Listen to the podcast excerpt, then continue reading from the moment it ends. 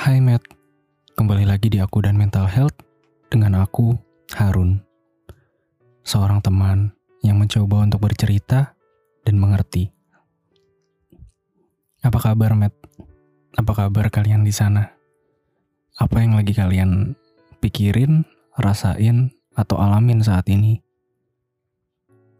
Semoga kalian selalu berada dalam kondisi terbaik dalam hidup kalian tapi kalau kalian saat ini lagi ngerasa semuanya lagi nggak baik-baik aja, aku harap kalian bisa melewati semua itu, semua ujian, semua halangan, ataupun semua rasa bersalah yang menghambat kalian karena kuatnya diri kalian untuk menghadapi itu semua. Doaku selalu menyertai kalian, Matt. Matt, pernah nggak kalian itu punya atau kenal sama seseorang yang playing victim itu udah jadi bagian dari kehidupannya gitu. Rasanya kalau misalnya ada pertanyaan, siapa orang playing victim yang kalian kenal? Kayaknya rasanya tuh cepet gitu buat kita nyebut atau nunjuk orang itu. Pernah gak sih, Matt? Entah kenapa aku tuh kayak kenal bukan hanya satu atau dua orang, tapi mungkin lebih dari lima orang yang punya karakter playing victim ini. Aku nggak tahu ya, kenapa Matt mereka itu bisa punya kepribadian kayak gini gitu. Aku nggak tahu pola didik mereka, aku nggak tahu pola asuh mereka kayak gimana. Tapi yang pasti untuk jadi punya kepribadian yang playing victim kayak gini, rasanya tuh nggak banget gitu. Kenapa juga harus punya kepribadian kayak gini? Kenapa harus ngerasa harga diri di atas segalanya? Ya, harga diri memang terkadang penting gitu, karena itu adalah fase di mana kita mungkin kalau dipergunakan di saat kita ngerasa jawaban atau argumen kita benar, harga diri itu bisa meneguhkan kita gitu, supaya nggak gampang goyah. Tapi kalau dalam semua hal, bahkan di saat kita harus introspeksi, dan kita mengutamakan harga diri itu, bukannya malah ngerugiin orang lain ya? Dan lima orang itu, hampir semuanya ketika ngelakuin playing victim, hampir semuanya ya, aku nggak bilang semuanya. Itu hampir pasti aku pernah jadi korban playing victimnya gitu. Dari lima orang ada tiga atau empat yang aku ingat. Mereka ngebuat aku kesel karena sifat playing victim mereka gitu. Playing victim kayak gimana sih? Di saat mereka mungkin awalnya kayak terlalu mudah menceritakan tentang dirinya berjasa ke orang lain ya. Mungkin kayak mereka ngerasa berjasa ke aku gitu, cerita ke orang lain lagi. Melebih-lebihkan kondisi diri mereka gitu.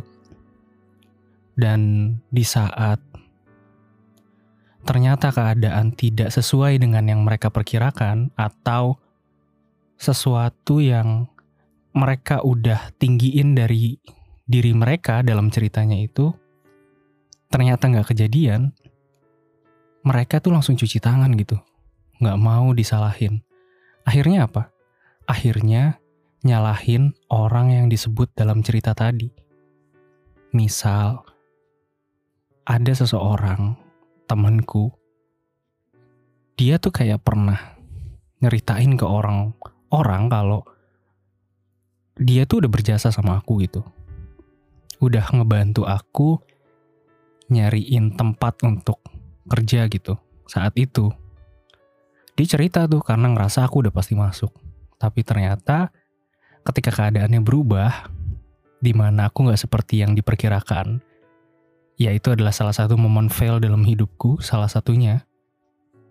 Kemudian dia langsung cuci tangan, langsung nyalahin gitu.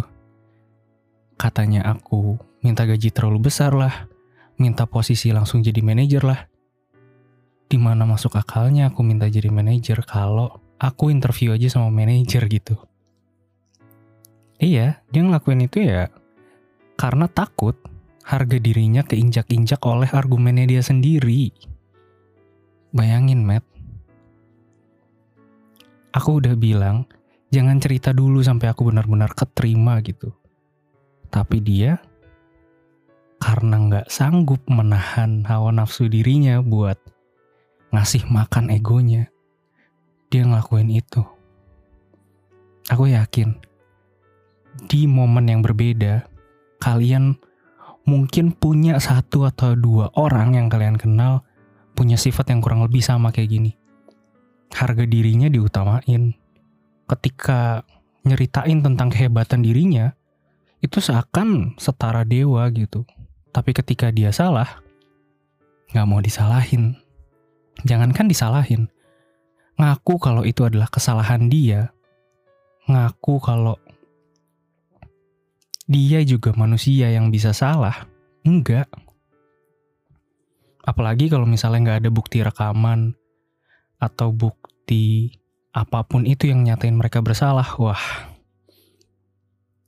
biasanya level playing victimnya bukan hanya melindungi diri aja gitu dari judging orang lain, tetapi level mempertahankan harga dirinya, level playing victimnya itu udah benar-benar agresif bahkan sampai berani memfitnah orang lain agar dirinya tidak terlihat lebih salah atau lebih buruk dari orang lain. Hati-hati met sama orang kayak gini. Aku berharap semoga kalian benar-benar sadar. Aku berharap juga setelah aku ngomong kayak gini ke kalian, ini bisa jadi alarm buat kalian untuk hati-hati sama orang-orang yang kayak gini. Makasih ya Matt udah dengerin. Follow dan beri rating kalau kalian ngerasa apa yang aku sampaikan benar-benar bisa bermanfaat buat kalian. Jangan lupa gunain Anchor kalau kalian mau buat podcast kalian sendiri. Aku Harun. Terima kasih. Terima kasih telah hidup. Terima kasih telah bermanfaat. Bye.